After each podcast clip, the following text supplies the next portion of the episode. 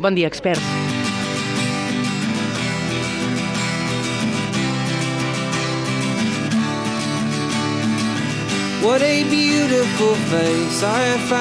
Comencem l'any entrevistant la Marta Carnicero, que acaba de publicar amb Acantilado El cielo según Google en traducció de Pablo Martín Sánchez. Ja va sortir fa cosa d'un parell d'anys amb La Magrana, però aprofitem la vinentesa, aquesta traducció al castellà, per xerrar una estona amb ella d'aquesta novel·la que és a mig camí de la cruïlla vital, la, els secrets que tots amaguem i la manera, sobretot, com ens hi enfrontem i com eh, en parlem amb els altres. Bon dia, Marta. Bon dia, com estàs? Va una mica per aquí la cosa. És una novel·la difícil d'explicar, la teva, no? Si et pregunten, escolta'm, de què va el cel, segons Google? Dius, ai, passen coses en un moment donat de la vida dels personatges i ells s'hi enfronten també d'una manera determinada que no saps gaire bé si ve determinada per les circumstàncies i per la decisió que han pres o si era una cosa que ja estava escrita d'abans. Clar, jo el que he intentat és que en tot cas els personatges s'hi enfrontin com ens hi enfrontaríem tots nosaltres, no? Amb, amb les nostres capacitats que no sempre són les millors per enfrontar-nos als problemes. He intentat que no fossin personatges bons ni personatges dolents, sinó personatges imperfectes com ho som tots.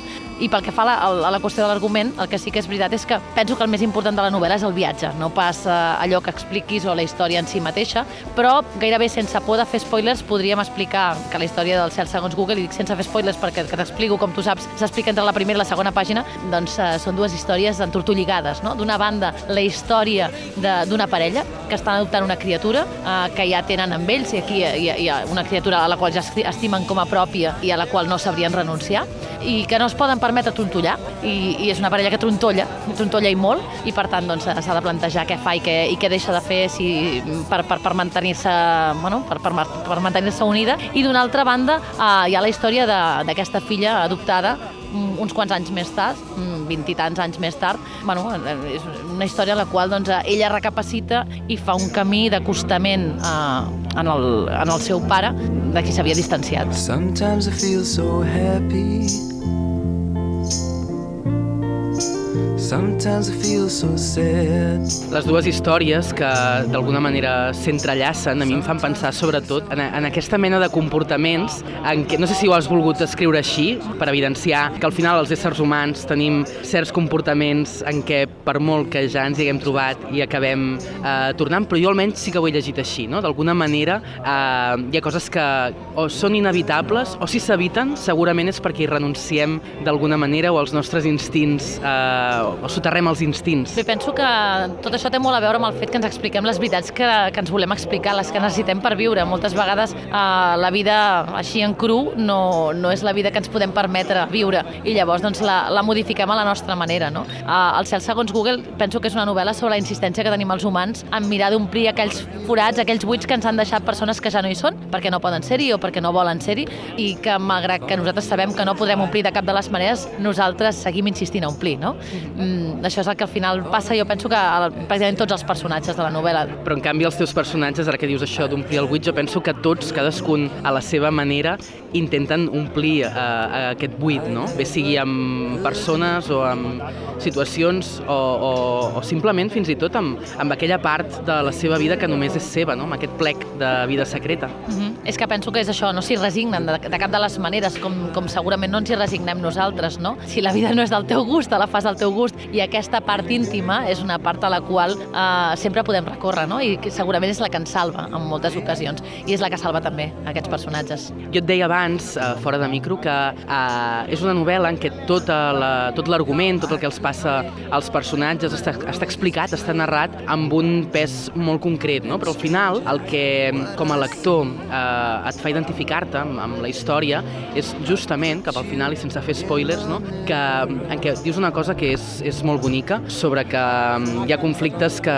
que es diuen guerres, no? Uh, T'ho diré exactament. En realitat es diuen guerres, sí. El món està ple de conflictes, el món és ple de conflictes que en realitat es diuen guerres, però perquè al final els personatges de la teva novel·la viuen tot el que els està passant com una guerra i al final el que et fa pensar és que tots i cadascun de nosaltres aquests conflictes en major o menor mesura, independentment de la manera com els resolem, al final acaben sent les nostres pròpies guerres. Sí, acaben sent les nostres guerres i tots vivim els nostres conflictes amb molta intensitat, amb una intensitat que no podríem entendre moltes vegades si ens expliqués el veí del costat, no? Ah, però diríem, no n'hi ha per tant. Al final de, de la novel·la, i també sense fer spoilers, el que hi ha és una mena de zoom out, no? De tal manera que tu pots, pots entendre, o pots haver-te ficat fins al moll en la història d'aquests personatges, però també penses que, bé, és qüestió de relativitzar. De vides d'aquestes n'hi ha moltes i cadascú té els seus problemes i cadascú mira de, de solucionar-los de la manera que, que, que sap. A mi m'agradaria, tot i que no és una, no és una pregunta que m'agradi fer, però en aquest cas penso que sí que val la pena que ens expliquessis una miqueta el sentit d'aquest títol, perquè hi ha una història maca al darrere del cel, segons Google. Hi ha una de les, un, un, un dels personatges, la Naïma, que és una noia que ella és adoptada, ha adoptat també una criatura, d'alguna manera per una, per una qüestió de deure moral, no? de dir... Sí, bueno, justícia, sí, però... sí, sí, d'una banda és allò de dir, bé, jo vaig ser adoptada i a mi se'm va fer un favor i jo també vull, doncs, vull, vull, poder, fer, vull poder canviar la vida d'algú de la manera que me la van canviar a mi. Alhora també, eh, perquè hi ha força reflexions sobre la maternitat i sobre l'adopció a la novel·la, alhora també ella té una por. Jo penso que hi ha una por en, en, en la Naïma que, que es pregunta què passaria si ella arribés a sentir com a tan propi, tan propi un fill eh, de sang que s'arribés a plantejar la, la qüestió de pell que té amb la seva família. Jo, bueno, ara entro aquí un moment entre la Marta Carnicero a dir que, que jo crec que al final el que fan els vincles, el que fa els vincles són, és la pell, no, no la sang ni molt menys. Però aquesta reflexió ella, ella la té. Què li passa a aquesta noia? Doncs que la nit, quan la seva filla, ella està sola amb la, amb la, seva, amb la, amb la criatura, amb la seva filla, i a la nit quan la filla es desvella, no, no es desvella, la filla es desperta i ella es desvella, eh, ella es dedica a refer camins amb una persona que ja no hi és. I aquests camins com els refà? Doncs fent servir la tecnologia i utilitzant Google Street View, que d'aquí 20 anys no existirà o no existirà en aquest format, però que a mi això, això m'ha estat, estat totalment igual perquè és un pretext. Utilitza Google Street View doncs, per refer aquests camins. I s'adona que la memòria és fal·lible i que la memòria és tramposa i és enganyosa, perquè el que fa és dibuixar-li una imatge no? de tot allò que va viure que no s'assembla de res al que ella està recorrent, els camins que ella està recorrent amb Google Street View. I s'adona i diu eh, que el cel està de blau i la llum, diu, calculo, és llum de mitja tarda. I need a fix cause I'm going down Back to the bits that I left uptown Marta, nosaltres sempre demanem a la gent que entrevistem que ens parli de, de dos llibres que hagin estat importants per ell, per ella mentre, mentre escrivia o al llarg de la seva vida. Quins ens recomanes tu? A veure, jo, de, sí, amb tota l'humilitat del món, perquè de llibres bons i boníssims n'hi ha tantíssims que no, que no els podíem enumerar, però dos llibres que per mi han estat importants. D'una banda hi ha uh, Moby Dick, que em sembla que és un llibre que ho conté tot, tot i tot, i que bueno, jo, jo, jo tendeixo a doblegar les pàgines eh, eh, de, de, les pàgines que em diuen alguna cosa, que em fan alguna bueno, que, em, que em desperten alguna reflexió, i Moby Dick té les pàgines doblegades cap endavant i després la mateixa pàgina doblegada cap endarrere, perquè per les dues bandes és interessant i és important, i a vegades passa a la part superior i a la part inferior de la pàgina. Ho té tot, em sembla una, una, una novel·la total. I després hi ha algú que sigui escriptora i que vagi definint les coses com a totals, no sé, eh? però bueno, deixem-ho córrer perquè estem anant molt a pinyó i molt ràpid.